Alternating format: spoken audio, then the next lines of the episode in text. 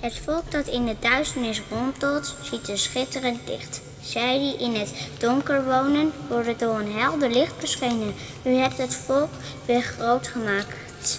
Diepe vreugde, diepe vreugde gaf u het blijdschap, als de vreugde bij de oogst zou jubelen, als het verdelen van de buit, het juk dat op hen drukte, de stok op hun schouders, de zweep van drijven. Voor u hebt ze verbrijzeld, zoals Midjan. Destijds iedere laars die dreunde, stampte, elke mantel waar bloed aan kleeft. Ze worden verbrand, een prooi van het vuur.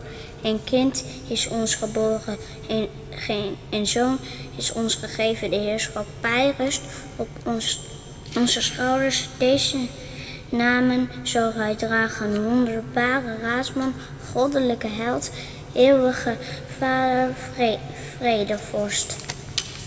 De afkomst van Jezus Christus was als volgt. Toen zijn moeder Maria al was uitgehuwelijkt aan Jozef, maar nog niet bij hem woonde, bleek ze zwanger te zijn door de Heilige Geest. Haar man Jozef, die een rechtschapen mens was, wilde haar niet op opspraak brengen en dacht erover haar in het geheim te verstoten. Toen hij dit overwoog, verscheen hem in een droom een engel van de Heer. De engel zei: Jozef, zoon van David, wees niet bang voor je vrouw Maria bij je te nemen, want het kind dat ze draagt is verwenkt door de Heilige Geest. Ze zal een zoon baren. Geef hem de naam Jezus, want hij zal zijn volk bevrijden van hun zonde. Dit alles is gebeurd opdat in vervulling zou gaan wat bij de monden van de profeet door de Heer is gezegd. De maagd zal zwanger zijn en een zoon baren, en men zal hem de naam Immanuel geven. Wat in onze taal betekent, God met ons. Jozef werd wakker en deed wat de engel van de Heer hem had opgedragen. Hij nam haar bij zich als zijn vrouw, maar hij had geen gemeenschap met haar voordat ze haar zoon gebaard had en gaf hem de naam Jezus. Nu u door Christus zozeer bemoedigd wordt en liefdevol getroost, nu er onder u zo'n grote verbondenheid met de geest is, zoveel ontferming en medelijden, maak mij dan volmaakt gelukkig door eensgezind te zijn.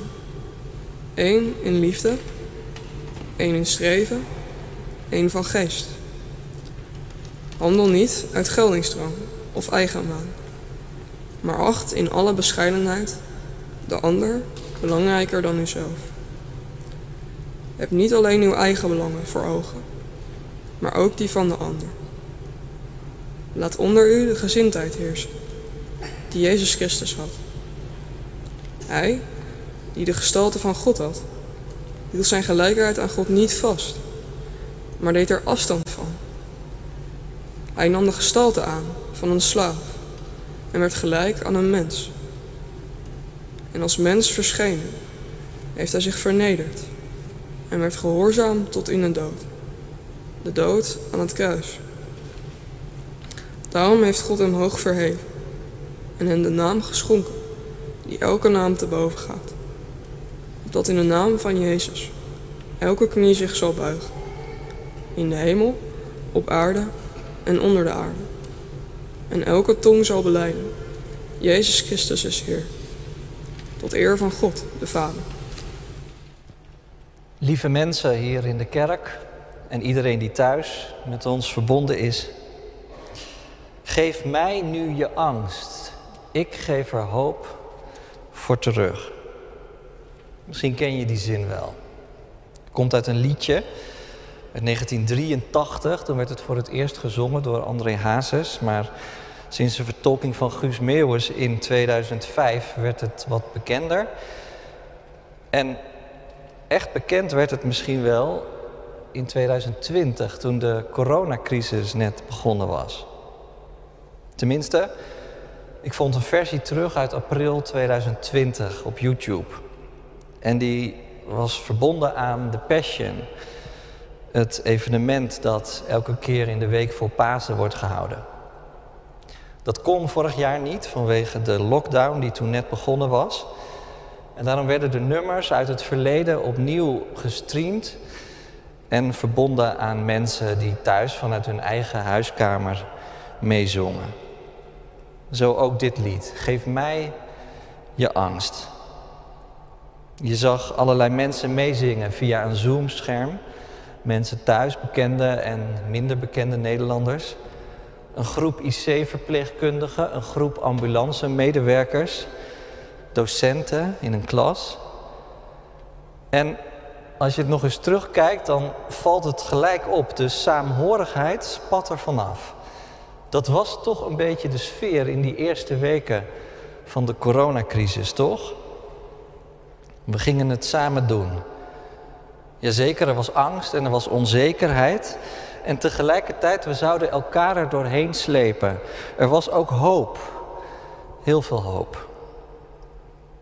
Maar ja, wie had toen kunnen denken dat we vandaag, anderhalf jaar later, nog steeds in een lockdown zouden zitten, of misschien moet ik zeggen opnieuw thuis. En de angst, die is er misschien ook nog wel.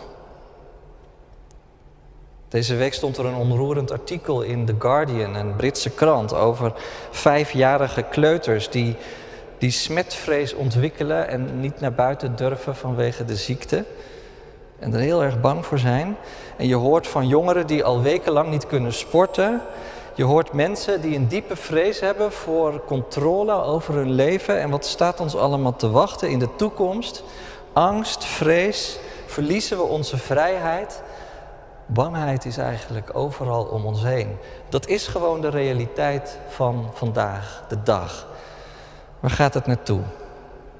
En steeds als je denkt dat het einde in zicht is, dat alles weer normaal gaat worden, gewoon samen kerstfeest vieren bijvoorbeeld, of een volkskerstzang met 200 mensen, dan gaat het toch weer anders. Kortom, waar blijft de hoop en waar haal je de hoop nog vandaan? Dat is echt een belangrijke vraag.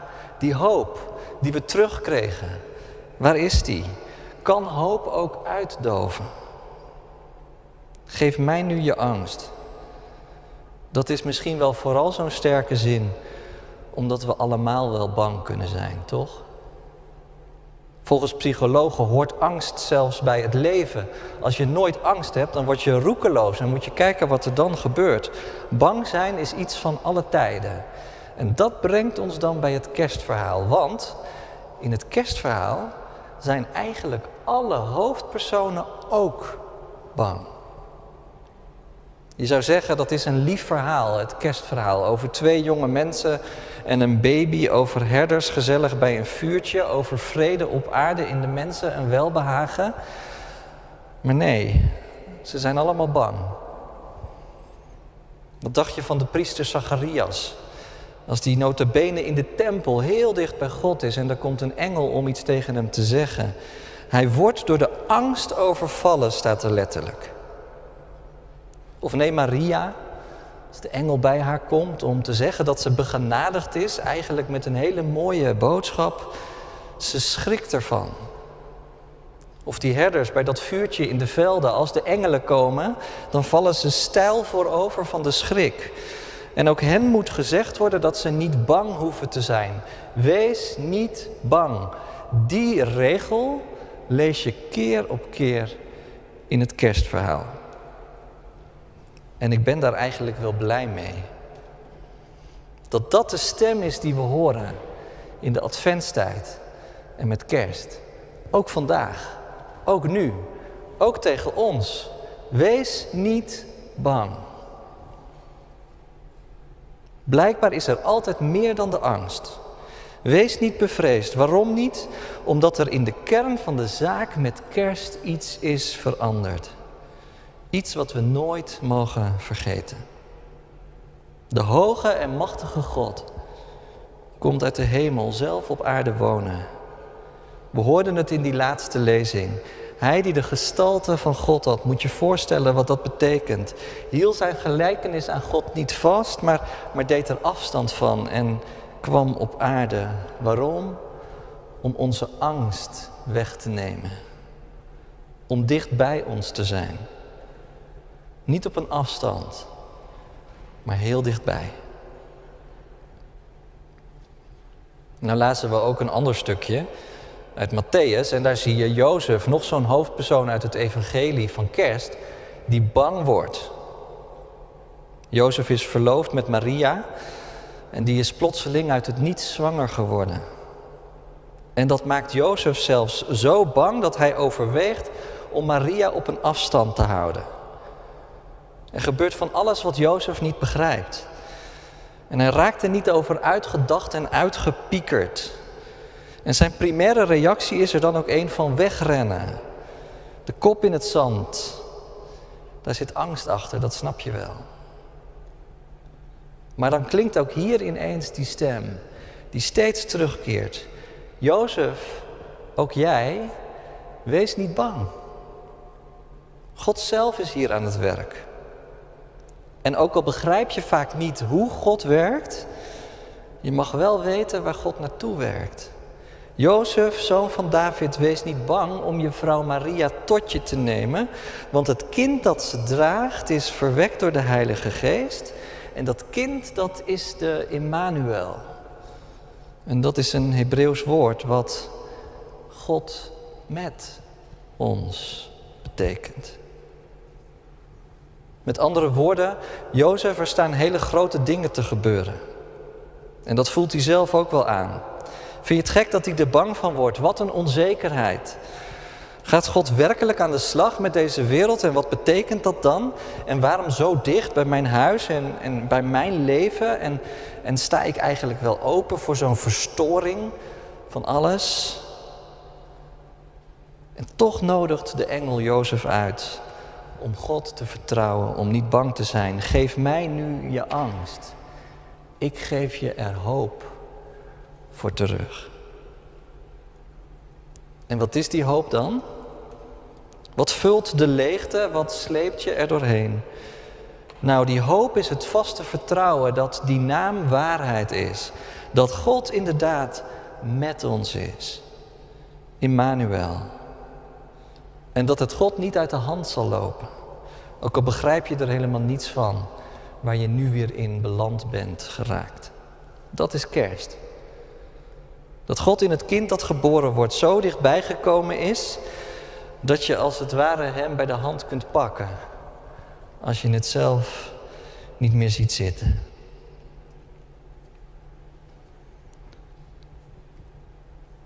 In de afgelopen twee weken was ik veel in het ziekenhuis.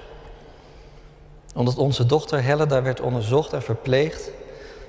En we merkten als ouders hoe belangrijk het is om dan daar te zijn bij je kind. Als een vertrouweling, heel dichtbij. Voor een klein kind ben jij als ouder nu eenmaal een heel belangrijk baken. De hoop, het vertrouwen.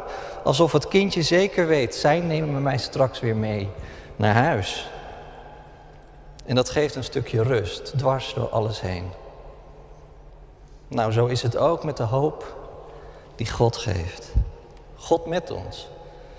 Dat betekent, wees ervan verzekerd, ik ben erbij. Onnoembaar aanwezig deelt Hij ons bestaan. Wat dat met je kan doen, dat verwoordde iemand heel mooi in een gedicht. Ze had het deze week geschreven en stuurde het ons toe. Hoop graaft je door het donker. Hoop schaaft over je wonden.